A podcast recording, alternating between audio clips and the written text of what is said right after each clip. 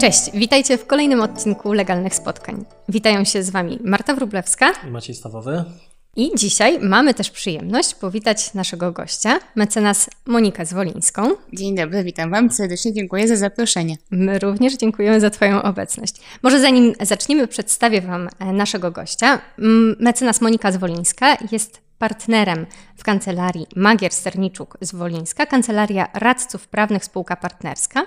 Kancelaria ma swoją siedzibę w Warszawie i Moniko zajmujesz się tak naprawdę e, w dużej mierze zamówieniami publicznymi, mm, doradzasz przedsiębiorcom, ale też reprezentujesz ich e, w Krajowej Izbie Odwoławczej i stąd tak naprawdę temat naszego dzisiejszego spotkania, czyli zamówienia publiczne.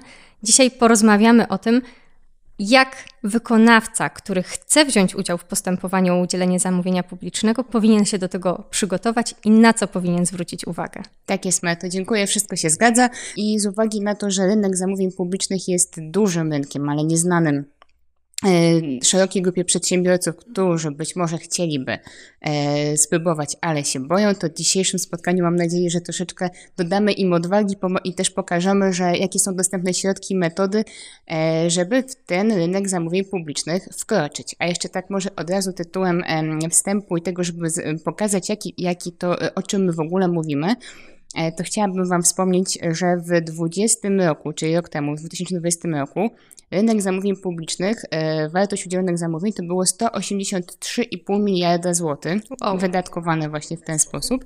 I to stanowi, moi drodzy, 7,9% PKB. Niesamowite. Także nawet, e, nawet chyba nie mamy świadomości właśnie, jakiego, e, z jakim ogromem mamy do czynienia i ile tak. środków właśnie jest wydatkowanych poprzez, e, poprzez zamówienia publiczne. Także tutaj, drodzy wykonawcy, jest, jest o czym myśleć. Otóż tak, otóż to. Monika, no to powiedz w takim razie, no czy taki przeciętny przedsiębiorca, jak chce w ogóle myśleć o zamówieniach publicznych, to czy to jest dla niego, kto może w ogóle wziąć udział w zamówieniach publicznych?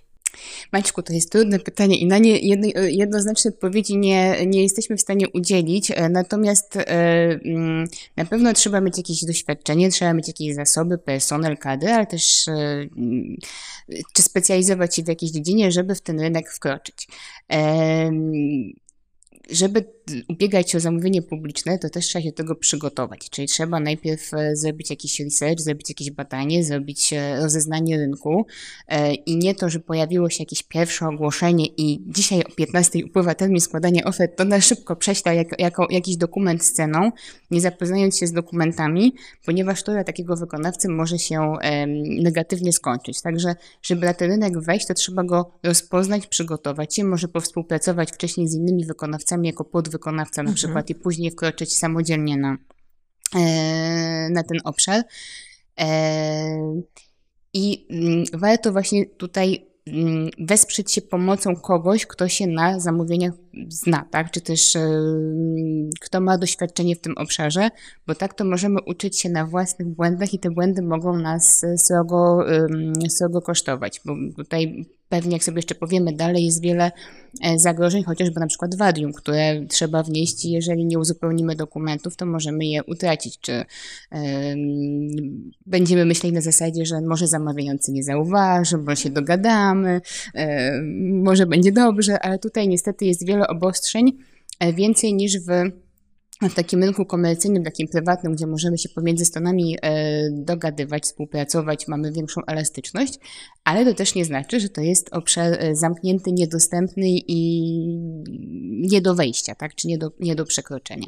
Wszystko jest, tylko trzeba się do tego odpowiednio przygotować. Myślę, że Twoja wypowiedź jest idealnym streszczeniem tego, o czym będziemy dzisiaj rozmawiać. Czyli tak naprawdę zależy nam na tym, żeby tym odcinkiem e, wspólnymi siłami przybliżyć e, potencjalnym wykonawcom troszeczkę to, o co chodzi w zamówieniach publicznych.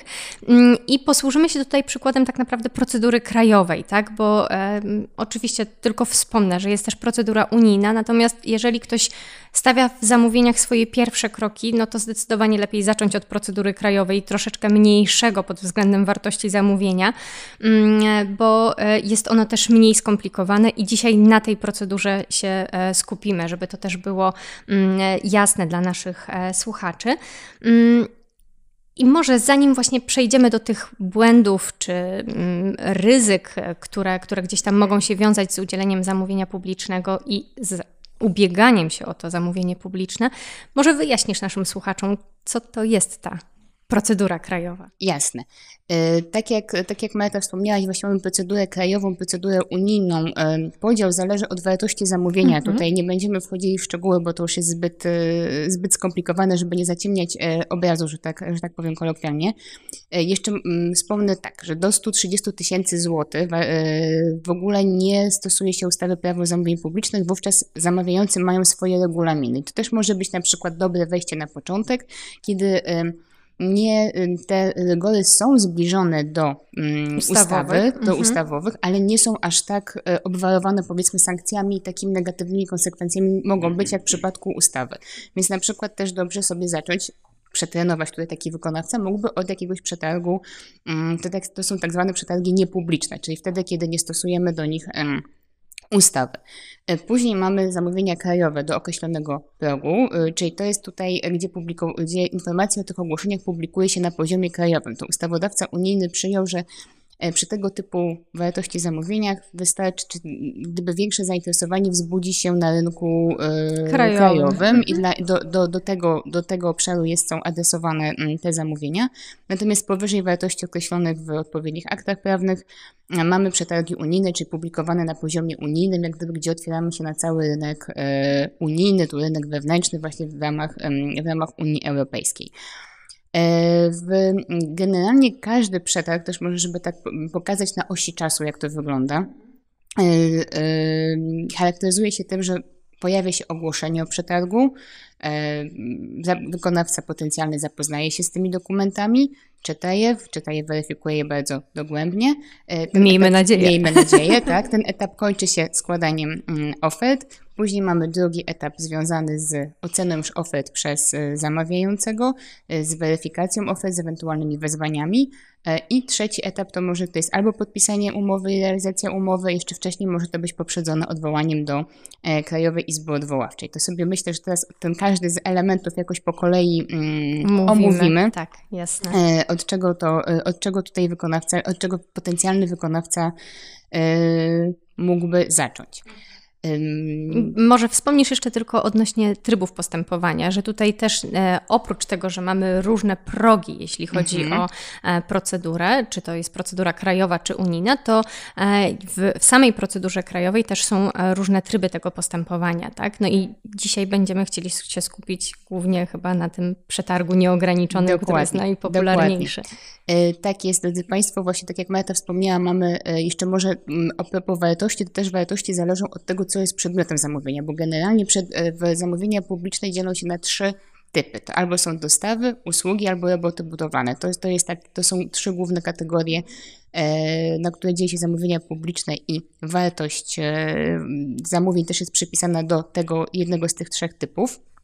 Natomiast jeśli chodzi o samą procedurę, tutaj tą krajową, to mamy teraz tak zwany typ, tryb podstawowy, e, który może być z negocjacjami lub bez negocjacji, to już nie wchodząc, nie wchodząc w, w szczegóły. I tutaj ten tryb zamawiający może zastosować zawsze i jak popatrzyłam sobie na statystyki e, z ostatniego, mm, z ostatniego informatora Urzędu Zamówień Publicznych, to ten typ jest stosowany w 99%. Także, e, także chyba nawet o innych e, trybach nie ma sensu wspominać. Jeszcze tylko tutaj dla ciekawości to jest tryb, mm, może być negocjacji z ogłoszeniem, bez, negocjacji bez ogłoszenia, przepraszam, albo zamówienia z wolnej ręki. E, kiedy to, e, kiedy to muszą być spełnione określone przesłanki, żeby z tych trybów stosować. Także to, tak jak Państwo wiecie, to, to jest margines. Tak? I za, zamawiający tak naprawdę troszeczkę boją się tego trybu z wolnej ręki z oczywistych względów. Po prostu w trybie z wolnej ręki chodzi o to, że wybieramy konkretnego, konkretnego wykonawcę, a to jest no, trochę sprzeczny z podstawowymi zasadami zamówień publicznych, tak więc to jest absolutnie wyjątkowa dokładnie, sytuacja. Dokładnie. No, tak jak jeszcze wspomniałeś o tych e, zasadach, to też tu warto na początku wspomnieć, że podstawowymi zasadami jest zasada uczciwej konkurencji i równego traktowania wykonawców. E, także tutaj e, mm, zamawiający opisując przedmiot zamówienia, czy to, co chce kupić, powinien to opisać w sposób taki, żeby każdy z potencjalnych wykonawców, który oferuje tego typu dobro na rynku, mógł e, w przetargu startować. Tak, to nie może być opisane poprzez parametry, poprzez przepisanie karty katalogowej, która definiuje jednego, e, jednego, jeden podmiot na, e, na rynku. To skupmy się może na e, tym trybie podstawowym. Jak mówisz, jest to 99% postępowań, czyli są to te tak zwane przetargi nieograniczone. Przeciętny Kowalski, jak w ogóle no, prowadzi firmę, chce wziąć w tym udział? Skąd w ogóle może się dowiedzieć, że takie postępowanie ma miejsce? Mhm to tak, zgodnie z ustawą taki y, y, zamawiający publikuje ogłoszenie w tak zwanym biuletynie zamówień publicznych. Pewnie przeciętnemu wykonawcy to i tak, czy tym przedsiębiorcy to nic nie powie. E, więc najlepiej, żeby patrzył albo po stronach konkretnego zamawiającego, na przykład nie, w gminie wie, że jakiś przetarg będzie się toczył, więc wchodzi sobie na stronę gminy, tam jest zakładka przetargi e, i w tej... Albo zamówienia publiczne. Albo zamówienia mhm. publiczne. I w takiej zakładce sobie sprawdza, jakie gmina prowadzi aktualnie e, Czy gmina ma obowiązek? E, tak, tak, gmina ma obowiązek, czy każdy zamawiający, e, oprócz tego, że właśnie publikuje to ogłoszenie w biuletynie zamówień publicznych, w takim oficjalnym, mm, ogólnopolskim publikatorze, to jeszcze na swojej stronie internetowej mm, publikuje informacje o prowadzonych przetargach. To tutaj też może od razu wspomnimy, że dzisiaj e, zgodnie z, z nową, czy z nową, nową ustawą, która obowiązuje od roku już prawie, wszystkie przetargi są w formie elektronicznej co do zasady, także to też te informacje o tym są, e, są powszechnie, powszechnie dostępne. dostępne. Mhm. Jest też, e, są też portale branżowe, gdzie na pewno takie informacje są publikowane, czy jakieś portale mm, komercyjne, gdzie, gdzie możesz dostać informacje o interesujących Ciebie przetargach. A jeszcze warto też wykonawcom polecić sprawdzenie czegoś takiego jak wspólny słownik zamówień, tak zwany kody CPV. To jest taki skategoryzowanie konkretnych przedmiotów pod kątem określonego kodu. Na przykład, nie wiem, sprzedajemy e, maszyny budowlane i te maszyny budowlane mają przypisany określony kod i po takim kodzie w internecie czy w tym biuletynie można sobie właśnie szukać aktualnych aktualnych zamówień. E, więc no, tu źródło wiedzy internet generalnie, tak? Tutaj można by było tak, to, tak to podsumować. Okej, okay. no i znajdujemy to e, interesujące nas postępowanie. Powiedzmy, jest to zamówienie mm, no, gminne, Urząd Gminny ogłosił postępowanie. Mm, no i dalej taki wykonawca powinien zrobić? Bo ja mam pewien pomysł. Tak, to, to, to, to dawaj. Myślę, że powinien przede wszystkim dobrze przeczytać to, co tam ten zamawiający napisał, bo tam znajdzie wszelkie możliwe wskazówki. Oj, zgadza się. I tutaj zgadzam się z Tobą, popieram Cię w 100%. E, od tego, żeby właśnie, jeżeli znajdziemy to ogłoszenie, to wchodzimy w ten pierwszy etap, o którym sobie wspomnieliśmy, czyli ten etap weryfikacji e, dokumentacji, co zamawiający chce kupić, na jakich zasadach, e, jakie ja muszę warunki spełniać, żeby o to zamówienie się ubiegać. I tutaj te dokumenty należy skrupulatnie przeczytać. Z odpowiednim jest ich czasie. Dużo, jest tak. ich dużo. Nie dużo. na dwie godziny przed terminem składania ofert, bo może być ciężko. E, warto właśnie tutaj mm, zapoznać się w taki, taka specyfikacja. To się, ten, ten dokument nazywa się specyfikacja warunków zamówienia w skrócie. SWZ, tak, tak. taki, taki termin się może pojawiać. I na ten dokument składają się um, też w szczególności tak zwany OPZ, czyli opis przedmiotu zamówienia i umowa. I to są dwa najważniejsze dokumenty, które powinny interesować wykonawcę, bo tam jest opisane wszystko, jak on ma zrobić, kiedy ma zrobić, jakie są kary umowne, jakie są parametry urządzenia, które musi zaoferować przykładowo. Monika, powiedziałaś, że najważniejsze w SWZ, czyli w, tych w tej specyfikacji warunków zamówienia, to jest OPZ, czyli opis przedmiotu zamówienia i umowa.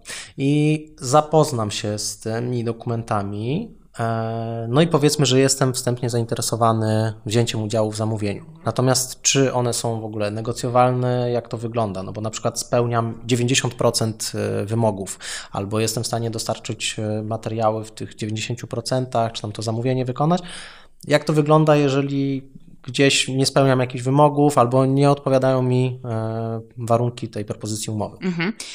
Bardzo dobre pytanie. Tutaj te dokumenty nie są negocjowalne w takim sensie, że sobie usiądziemy przy stole z zamawiającym i powiemy, że tutaj to nam się nie podoba, to byśmy zmienili, tu byśmy chcieli inne parametry. Natomiast taką formą negocjacji jest możliwość zadawania pytań do specyfikacji. Czyli jeżeli ja zapoznam się z takimi dokumentami, mówię na przykład, że no, w tym terminie to nie da rady zrealizować zamówienia, bo w ciągu dwóch tygodni to ja takich maszyn w ogóle nie ściągnę, mm, czy nie, producent mi nie wyprodukuje, tak? I wsiadam do komputera i pisze do zamawiającego. Drogi zamawiający, termin, który przewidziałeś na realizację zamówienia jest nierealny. Proszę cię, zmień go do czterech tygodni, bo i podaje argumenty, tak? E, zamawiający teraz e, ważne jest właśnie, żeby się na początku zapoznać z tymi dokumentami, jak one się pojawią, e, ponieważ jeżeli udzielimy zadamy pytanie w odpowiednim czasie, to zamawiający ma obowiązek udzielić odpowiedzi na takie pytanie. A co to jest ten odpowiedni czas? Odpowiedni czas to jest na 4 mm, dni przed upływem terminu składania ofert. Czyli jeżeli pytanie wpłynie na 4 dni przed upływem terminu składania ofert, wtedy zamawiający ma obowiązek udzielić odpowiedzi na takie pytanie. A w jakim czasie ma udzielić tej odpowiedzi? Na dwa dni przed terminem składania ofert, więc tutaj to jest dość, e, dość napięty harmonogram. Ponieważ Natomiast też wejdę Ci w słowo, jeżeli nawet e, zamawiający udzieli tej odpowiedzi e, tak na przykład na dwa dni, a zmieni tym zakresie mm, specyfikację warunków zamówienia, czy opis przedmiotu zamówienia, no to też tak naprawdę wydłuża mm, tak termin otwarcia ofert. Tak, tak, tak, tak, tak, zgadza się. Że tutaj muszą mieć wykonawcy możliwość czasu reakcji, bo też w tej procedurze krajowej terminy na składanie ofert są krótkie, bo w przypadku dostaw i usług to jest 7 dni, robót budowlanych 14 dni, więc Widzicie, mamy 7 dni na przykład tutaj na to, żeby zapoznać się z dokumentacją, żeby zadać zamawiającemu pytania, przygotować ofertę, więc ten czas się naprawdę tutaj e, no jest, jest mocno, mm, jest mocno napięty. ograniczony, jest mhm. napięty. Jeżeli, e, jeżeli Maćku w umowie będą postanowienia, które nie będą Cię satysfakcjonowały, które będą na przykład niekonkurencyjne, czy będą promowały jednego wykonawcę, możesz też e, wnieść odwołanie do Krajowej Izby Odwoławczej. Tak, i to jest nowość, tak? Jest, Bo w tak, starym tak. prawie zamówień publicznych, mówię starym, jest sprzed 2021 roku, bo nowa ustawa weszła w życie 1 stycznia 2021. Takiej możliwości nie było. Tak? Dokładnie. Czyli dokładnie. to odwołanie jest już możliwe na etapie jeszcze przed w ogóle Przed złożeniem ofert, tak, tak, tak. I... Na treść specyfikacji mhm. warunków tak zamówienia. Czyli na mhm. przykład widzimy, że ten termin realizacji, już wracając do tego przykładu, jest... Yy Mm, nierealny. Albo promuje jednego wykonawcę, na przykład dotychczasowego, dotychczasowego wykonawcę, bo on już wszystko ma na miejscu, wszystko ma zgromadzone, więc on w tym czasie wykona zadanie. My, jako ten nowy, chcący pozyskać zamówienie, nie damy rady, to możemy właśnie odnieść odwołanie do Krajowej Izby Odwoławczej. Na to mamy 5 dni od dnia, kiedy opublikuje się e, dokumentacja mm, postępowania. I wówczas Krajowa Izba będzie, Odwoławcza będzie rozstrzygała, czy takie postanowienie jest zasadne, czy też jest niezasadne. Tutaj czy też... to wstrzymuje w ogóle tą procedurę? Nie, nie wstrzymuje. Nie wstrzymuje. Tutaj niestety jest taka luka, powiedzmy, ustawowa, że zamawiający może w tym czasie. Yy, procedować. Tutaj może też będziemy wchodzili w zbyt, zbyt duże szczegóły, nie mhm. będziemy tutaj mieszać Państwu e, tych, tych, kroków, ale niestety to nie wstrzymuje, tak? Tu nie ma żadnego zawie zawieszenia. Dobra. E, zróbmy może teraz e, takie krótkie podsumowanie. W takim razie e, mamy tą specyfikację warunków zamówienia i w jaki sposób najlepiej podejść do konstruowania oferty. W sensie na co w tej specyfikacji zwrócić uwagę i przykładowo, bo wydaje mi się, że to też jest często takie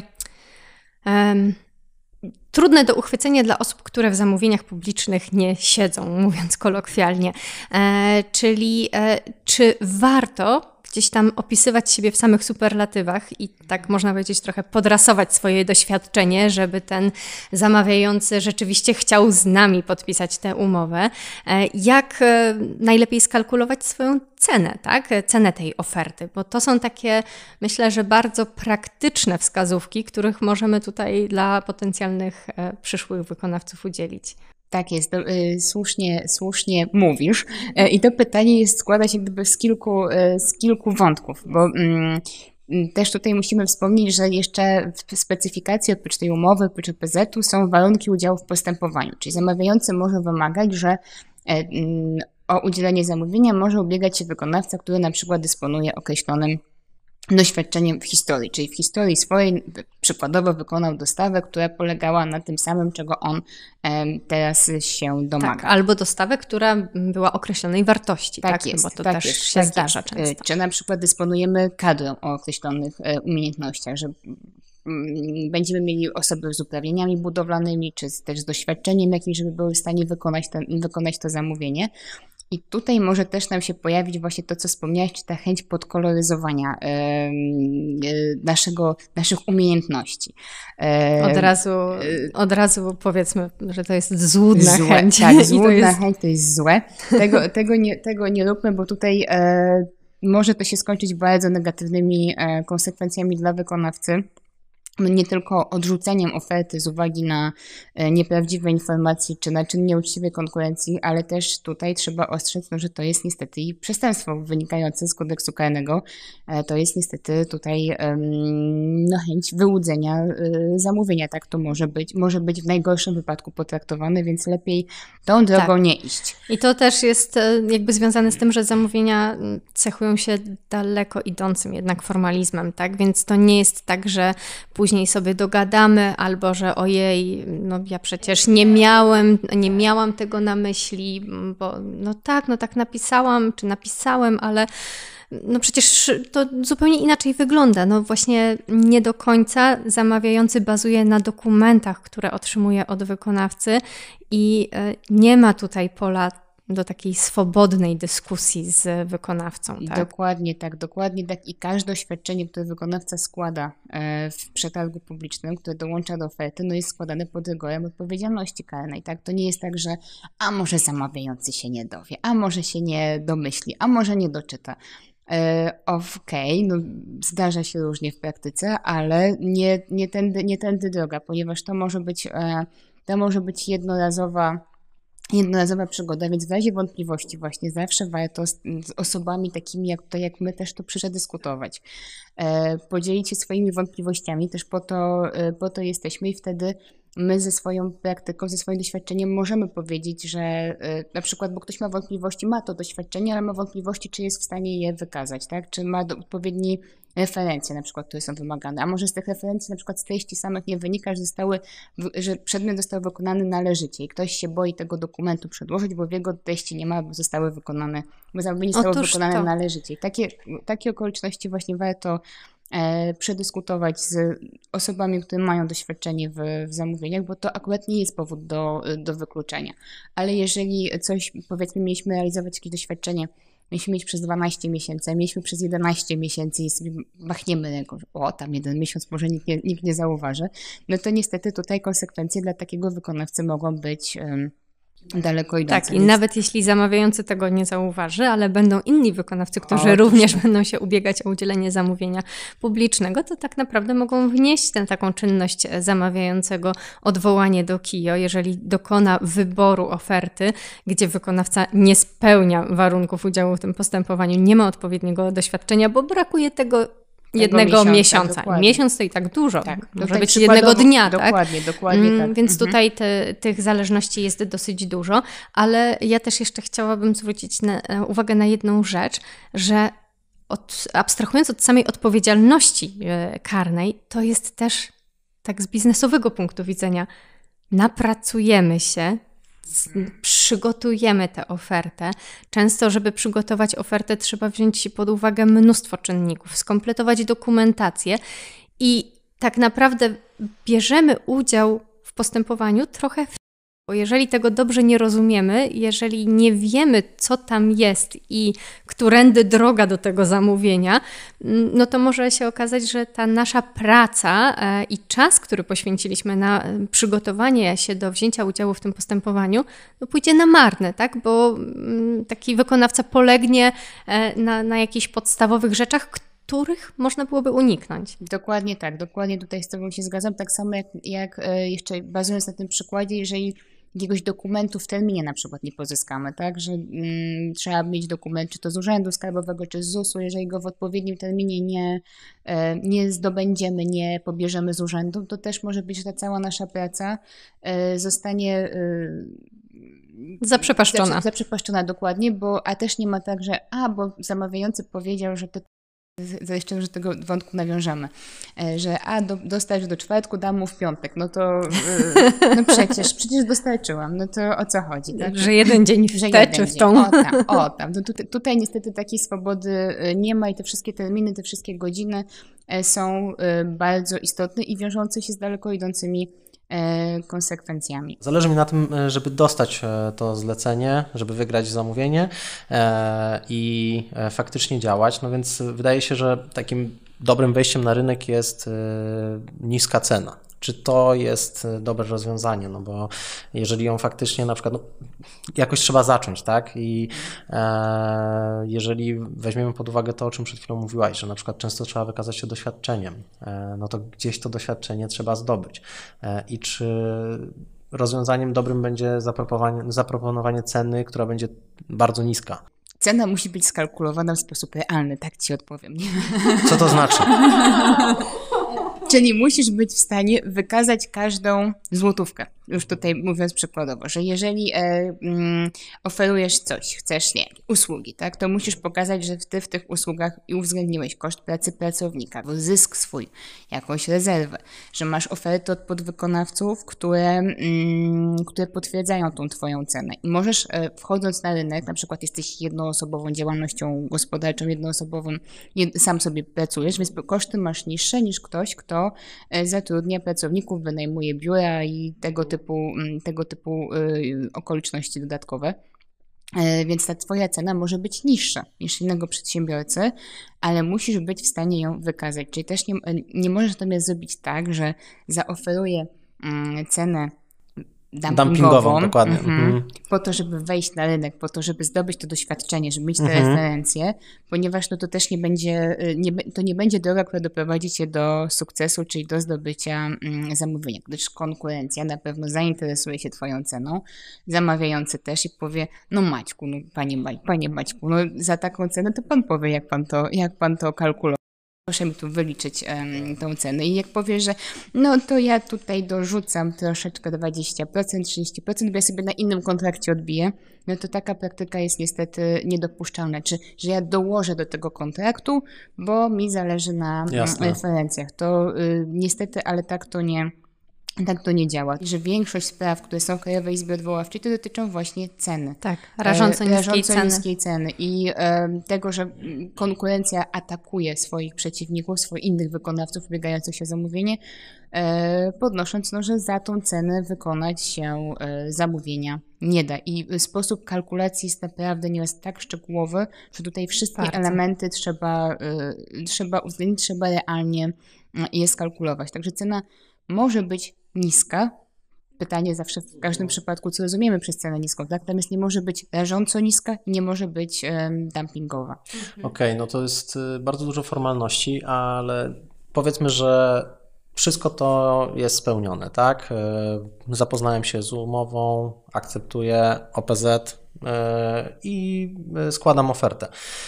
Biorąc pod uwagę te wszystkie formalizmy, jak wygląda w ogóle sposób wyboru oferty, no i co dalej? Mhm. E, to też jeszcze jak to, co wspomnieliśmy wcześniej po tych terminów, czy ofertę też musimy złożyć w odpowiednim czasie wskazanym przez zamawiającego. Teraz, I w odpowiedni sposób. W odpowiedni sposób, teraz. tak jest, tak, masz rację.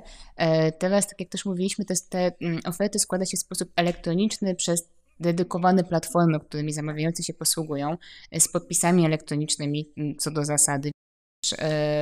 To może, żeby rozjaśnić, okay. w jaki sposób, tak? Mhm. Czyli przygotowujemy sobie ofertę w PDF-ie, podpisujemy odpowiednim podpisem, kwalifikowanym podpisem. co do zasady tak. Mhm. i przez odpowiednią platformę, przez linka, który zamawiający udostępnia, tam gdzie mamy wszystkie dokumenty, zakładamy konto, ładujemy taki PDF.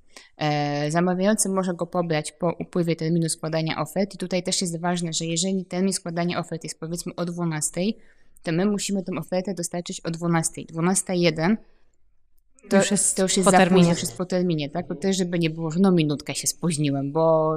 Albo też, żeby mhm. jakby przewidzieć możliwość wystąpienia problemów technicznych, tak? tak? Bo niestety, mimo że e, ustawa już obowiązuje, tak jak wspomniałam, od stycznia 2021 roku, to wciąż zdarza się wiele problemów technicznych e, i, i te platformy mają błędy i te błędy się pojawiają, więc e, Idealnie byłoby złożyć ofertę z jednodniowym wyprzedzeniem, bo wtedy zawsze jest jeszcze ten jeden dzień zapasu, ale jeżeli nie ma takiej możliwości, to przynajmniej kilka godzin wyprzedzenia, a nie ostatnie minuty, bo wtedy jest niestety ryzyko, że coś się nie załaduje, że wyskoczy jakiś błąd. Trzeba będzie załadować te wszystkie dokumenty raz jeszcze i no niestety... I ryzyko tego, że nie zdążymy w terminie, niestety, niestety tutaj bardzo wzrasta. Dlatego w ogóle przy zamówieniach jest ważna ta należyta staranność, tak? I to, co mówimy od początku, zapoznanie się z dokumentami, przeczytanie tych dokumentów. Tak samo w momencie składania ofert, że nie robić tego za 5-12, E,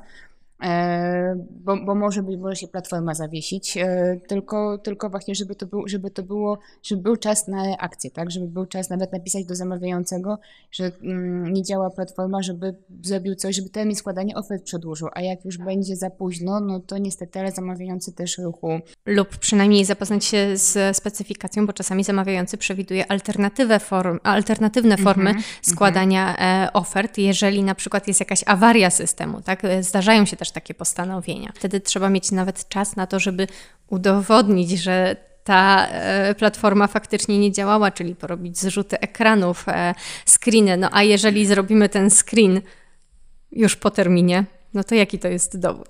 No, tak, tak, że tutaj, po terminie platforma tak, nie działała, tak? tak? Ale to, to, to tutaj też może uczulamy Państwa, ale też, żeby nie przestraszyć. To nie, jest tak, to nie jest też tak, że w każdym przypadku jest, e, jest błąd. Wydaje mi się, że to jest dość mm, intuicyjne i później jak się pierwszy raz przejdzie taki etap składania ofert, to kolejny będzie coraz, e, coraz łatwiejszy. To jak już złożysz tą ofertę, wtedy nie to zamawiający przystępuje do jej e, weryfikacji. Czyli patrz, jakie dokumenty złożyłeś, jakie oświadczenia, czy wszystko się zgadza z tym, co, e, z tym, co, z tym czego wymagał w specyfikacji. Mhm.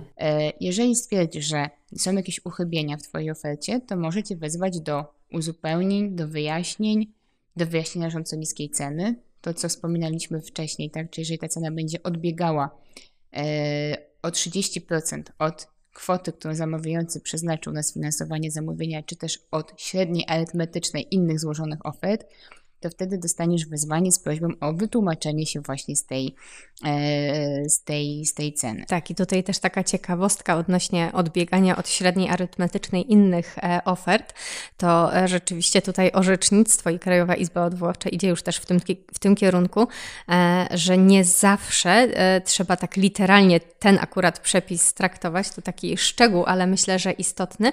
Mm, to akurat wskazówka dla zamawiających, żeby, żeby gdzieś tam te orzecznictwa orzeczenia sobie zweryfikować, że pojawiają się orzeczenia, że niektórzy wykonawcy mogą z kolei w drugą stronę rażąco wygórować swoją cenę tak. i to jest rzeczywiście problem, zwłaszcza teraz, jeżeli mm, przykładowo jeśli chodzi o materiały budowlane, tak, e, zaobserwowaliśmy w ostatnim roku bardzo znaczący e, skok e, cenowy, jeśli chodzi o te materiały budowlane mm, i wykonawcy, którzy należycie skalkulowali swoją e, ofertę, e, a jest wykonawca, który powiedzmy wygórował swoją cenę, mm, to jeżeli jest ich niewielu, to ta wygórowana cena ma bardzo duży wpływ na y, wartość całej średniej arytmetycznej i może się okazać, że ten procent, 30%, 30 różnicy będzie rzeczywiście znaczący i powstaje taka też trochę sytuacja patowa, bo wykonawca, który należycie skalkulował swoją cenę, jest wzywany do wyjaśnień rażąco Dokładnie. niskiej mhm. ceny.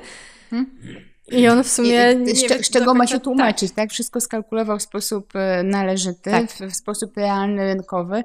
Właśnie takiego jeden czy tam y, powiedzmy zawyżył tą cenę tak. i teraz on się ma tutaj tłumaczyć z tego, że jego cena jest y, realna i tutaj to znowu apel do zamawiających w tym momencie, tak. żeby oni e, też nie podchodzili do tych widełek tak w sposób sztywny, e, zwłaszcza, tak, że pojawiają się orzeczenia w tym kierunku, tak, tak, żeby to tak bardziej racjonalnie do tego Jeżeli podchodzi. na przykład są dwie czy trzy oferty, które są do siebie zbliżone i jedna e, mocno odstrzelona, tak, tutaj ta, tak.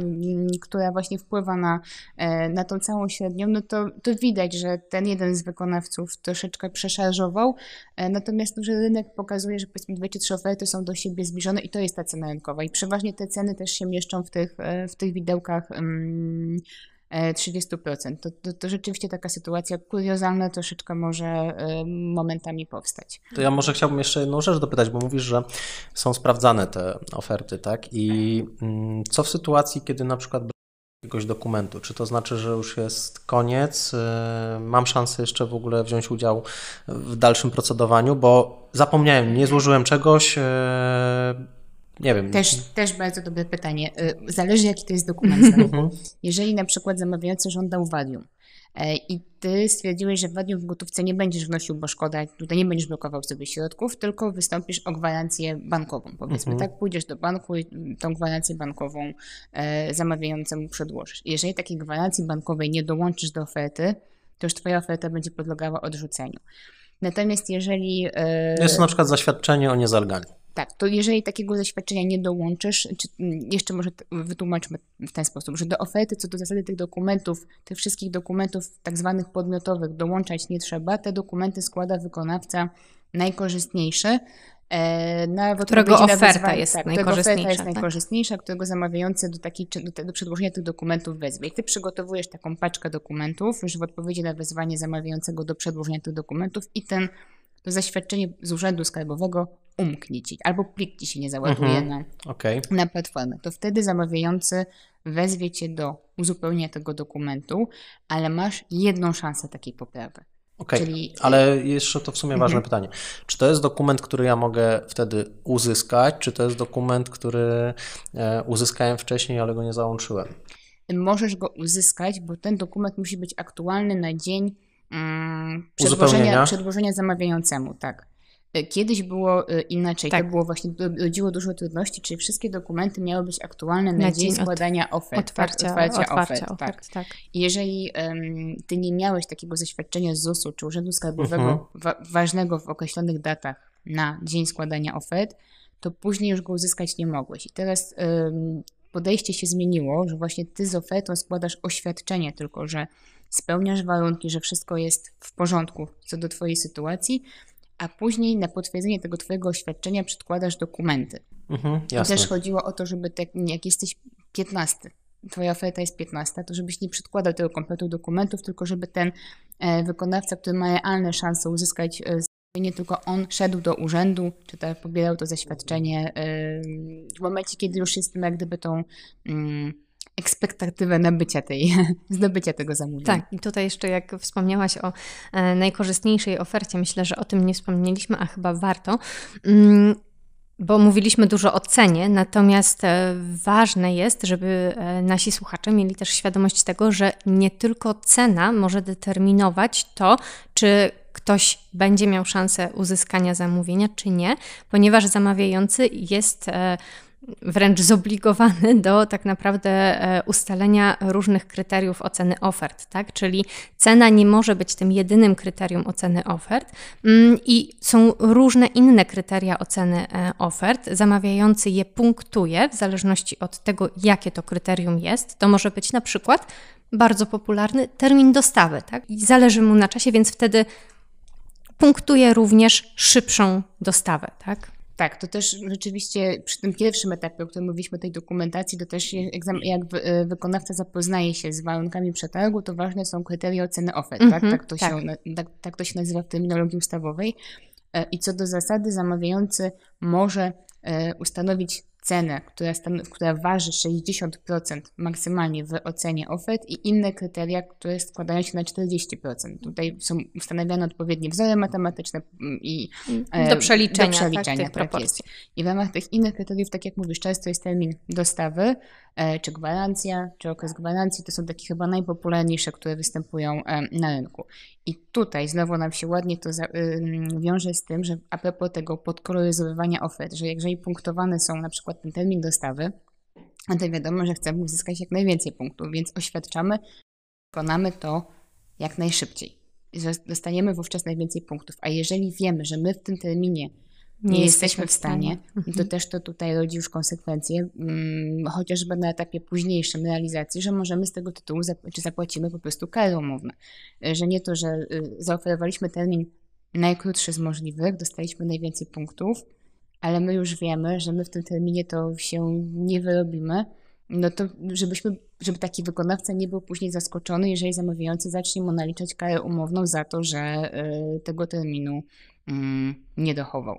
E, I jeszcze jeśli chodzi o e, takie wezwania, które zamawiający może kierować, to też myślę, że e, oprócz wezwania do uzupełnienia dokumentu, zamawiający może też wyjaśniać niektóre dokumenty. Tak? Jeżeli poweźmie wątpliwość odnośnie treści jakiegoś dokumentu, czyli te dokumenty będą niejednoznaczne, no to tutaj zamawiający ma dosyć szerokie pole manewru i na przykład, nie wiem, referencje może też konsultować z osobą, która tych referencji udzieli udzieliła, tak? Więc to też jest ważne, żeby rzeczywiście tutaj mieć pewność co do treści tych dokumentów i ich prawdziwości. Dokładnie tak, to y, w pełni się wszystko zgadza. Zamawiający może wzywać do wyjaśnień i jeszcze konsultując, jak będzie wysyłał do nas wezwanie do wyjaśnień, na przykład możesz pozyskać jakąś wiedzę z rynku, jak to wyglądało. E, to jest znowu też to, co wspominaliśmy a propos nieprawdziwych informacji, czy na przykład tego doświadczenia podkoloryzowania go, bo bo wiemy, że mieliśmy doświadczenie, tak jak wspominaliśmy wcześniej, przez 12 miesięcy, bo tyle wymagał zamawiający, a faktycznie mieliśmy przez 11. Jeżeli zamawiający o tym się dowie, no to może nas pytać, no to panie Maćku, to w końcu ile pan ma tego doświadczenia? 12, 11 miesięcy czy 12? No a co w sytuacji, kiedy to doświadczenie jest już w momencie wyboru oferty, a nie było go w momencie jego składania. E, oceniane warunki są na dzień składania ofert. Też, też bardzo, bardzo dobre pytanie. Właśnie tutaj jak gdyby tym momentem takim, kiedy sprowadzamy wszystko do wspólnego mianownika i tam mhm. oceniamy, czy, czy wykonawcy są e, żeby ich porównać, tak? To tym dniem jest dzień składania mm, ofert. To jest... Naturalne wydaje się pytanie o to, co by było właśnie, kiedy wiem, że umowa będzie wykonywana za jakiś czas. Ja do tego czasu jestem w stanie uzyskać wszystko. Tak. Natomiast rozumiem, że no to niestety nie spełniam wymogów no, formalnych. Ni niestety tak, niestety tutaj te wymogi formalne nie zostaną, e, nie zostaną wypełnione. To tutaj jeszcze możemy o jednej okoliczności wspomnieć, bo jeżeli ty wiesz, że nie masz tego doświadczenia, ale Marta ma, i wtedy możesz ubiegać się o zamówienie razem z Martą. Tworzycie konsorcjum. Mhm. E, czy możesz na przykład Martę sobie wziąć jako tak zwany podmiot trzeci, czyli podmiot, który użyczy ci e, doświadczenia, zasobów, kadry. Wtedy Malta, zależy też od, od, od zamówienia, ale na przykład Malta będzie Twoim podwykonawcą. I jeżeli w trakcie Ty zdobędziesz to doświadczenie po tym, po tym miesiącu realizacji umowy, to możesz Malcie podziękować i powiedzieć zamawiającemu, że ja mam e, własne e, doświadczenie. A więc tutaj też właśnie to, to też może otwierając Państwu e, mm, troszeczkę oczy, że tak tutaj, że, to tak to, że tak to ujmę, nie, nie możecie też polegać właśnie na koleżeństwie, na innych wykonawstwach, y, wykonawcach, nie tylko na, y, na sobie, bo czasami to jest też metoda, tak, że w grupie siła i w, e, w grupie raźniej i łatwiej wejść na rynek. Właśnie, to jest przykład właśnie takiego e, delikatnego i stopniowego wejścia na rynek dla osób, które w zamówieniach jeszcze nie mają doświadczenia, tak, tak? czyli mogą połączyć swoje siły z innym wykonawcą, bo są specjalistami w danej branży, w danej dziedzinie na rynku prywatnym i chcą spróbować swoich sił e, również w zamówieniach publicznych. Także jak najbardziej. Dokładnie tak. Dobrze. E, chyba przeszliśmy tak naprawdę przez e, większość tematów. Może jeszcze tylko e, na zakończenie, no bo tak naprawdę e, mamy całą procedurę związaną z wyborem oferty. Jest wybór oferty i czy to już automatycznie wiąże się z podpisaniem umowy, bo tu myślę, że też jest ważne, żeby to powiedzieć dla osób, które tymi zamówieniami się nie zajmowały, że mimo przejścia całej procedury i bycia na pierwszym miejscu, to wcale jeszcze nie jest koniec. Jeszcze nie jest tak, jeszcze, jeszcze nie jest koniec, dokładnie. Czyli te, teraz przejdziemy do tego trzeciego etapu, jak gdyby, tak? Czy zamawiający dokonuje wyboru, mówi Maćku, twoja oferta jest najlepsza, jesteś pierwszy. E, kryteria oceny ofert wypełniłeś najlepiej, dostałeś 100 punktów. E, I to nie znaczy, że już się możesz tutaj cieszyć i zacierać, liczyć zysk z tego zamówienia, tylko e, jeżeli była konkurencja, to w terminie pięciu dni może zostać wniesione odwołanie do Krajowej Izby Odwoławczej na jakieś uchybienia w Twojej ofercie. Właśnie pytanie jest takie, jeżeli nikt mnie nie wzywał i e, no bo dla zamawiającego mhm. właśnie tak jak powiedziałeś, wszystko jest na rękę, przecież jest najlepsza oferta, zostałem wybrany, e, nie wzywał mnie do żadnych wyjaśnień, czy to też... To też może tak, to też może konkurencja tutaj podnieść, że zamawiający, że ta Twoja cena powinna wzbudzić wątpliwości zamawiającego i zamawiający powinien Cię wezwać do wyjaśnień, tylko nie zostaniesz wówczas od razu odrzucony nawet przez Krajową Izbę Odwoławczą, tylko musisz mieć szansę zawsze musisz mieć szansę mm, wytłumaczyć się, tak? Musisz mieć prawo e, składania zeznań, tutaj wyjaśnień, że A jakie to są terminy?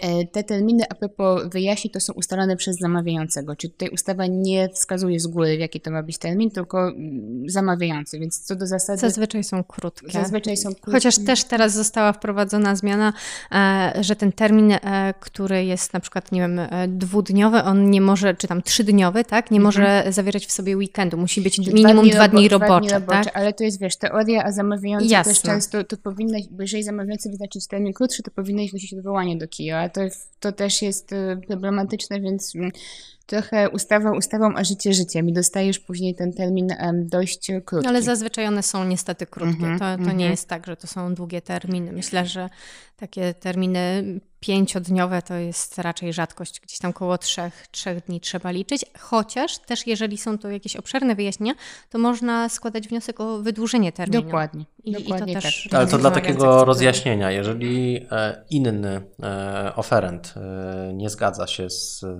tym wyborem, tak, i wskazuje na przykład na tą rażąco niską cenę, to jak to wygląda? Bo on składa odwołanie do KIO tak. i wtedy jest procedura taka, że ja składam wyjaśnienia do KIO dla zamawiającego, czy jak to wygląda? Tak, czyli taki, taki, taka konkurencja twoja mówi, że twoja cena, nie składałeś wyjaśnień, tak? Jest, tak. to składa odwołanie do KIO i teraz KIO toczy tam się postępowanie, już tak upraszczając to, żeby był ten mhm. klasyczny przykład, toczy się e, postępowanie przed KIO. E, i o to, czy, czy, tak naprawdę zamawiający dobrze, dobrze tak. postąpił, tak. nie wzywając ciebie do tych mhm. wyjaśnień. Okay. Jeżeli Izba by uznała, że powinieneś być wezwany do wyjaśnień, to zamawiający wróci do postępowania, unieważni Twój wybór oferty, wezwie Cię do przedstawienia wyjaśnień, tak. wyjaśnień tak. i to wcale nie znaczy, że nie możesz być ponownie wybrany. Jasne. Tak. Tylko mhm. jakby... Jeżeli wyjaśnię i... Tak. Dokładnie, ale wtedy też konkurencja jak zobaczy te Twoje wyjaśnienia, to może teraz też po raz drugi wnosić odwołanie na to, co Ty tam napisałeś, tak? Mówiąc, że ta Twoja przykład kalkulacja się jest nierealna, nie spina się, nie ma określonych e, kosztów w niej uwzględnionych. I jeszcze druga sytuacja, czyli powiedzmy teraz, Ty jesteś drugi, Mhm. Zależy tutaj, zale, widzisz, że są jakieś błędy w ofercie e, pierwszego wykonawcy. Najpierw musisz też wystąpić o ofertę tej mm, konkurencyjnej firmy, zobaczyć, co ona ma w swoich Do zamawiającego. Do zamawiającego, mhm. tak jest. E, co on w tych swoich dokumentach złożył. Jeżeli widzisz, że są uchybienia, to też wnosisz odwołanie do e, Krajowej Izby Odwoławczej, mówiąc, że zamawiający nie powinien tego pierwszego wybierać, gdyż i wskazujesz w takim odwołaniu właśnie zarzuty i uzasadnienie tych zarzutów i czego żądasz, tak, żeby zamawiający unieważnił wybór takiego wykonawcy, żeby odrzucił jego ofertę, bo na przykład stanowi czyn nieuczciwej konkurencji albo zawiera rażąco niską cenę i wybrał Ciebie. Okej, okay, natomiast y, to jeszcze takie tylko ważne, jeżeli faktycznie moje działanie przyniosłoby dla mnie oczekiwany skutek, czyli ten pierwszy y, zostaje odrzucony, czy to automatycznie oznacza, że moja oferta zostaje wybrana? E, jeżeli mieści się w budżecie zamawiającego, bo też jeszcze może zaraz o tym powiemy, e, jeszcze powiem zdanie dalej, e, to tak, to, to zamawiający powinien wybrać Twoją ofertę, bo y, przed otwarciem, jeszcze wracając do tego etapu drugiego, czyli mamy Oj, składanie... Wątków jest wątków, tyle, wątków jest dużo, to nam kilka odcinków nam wystarczyło.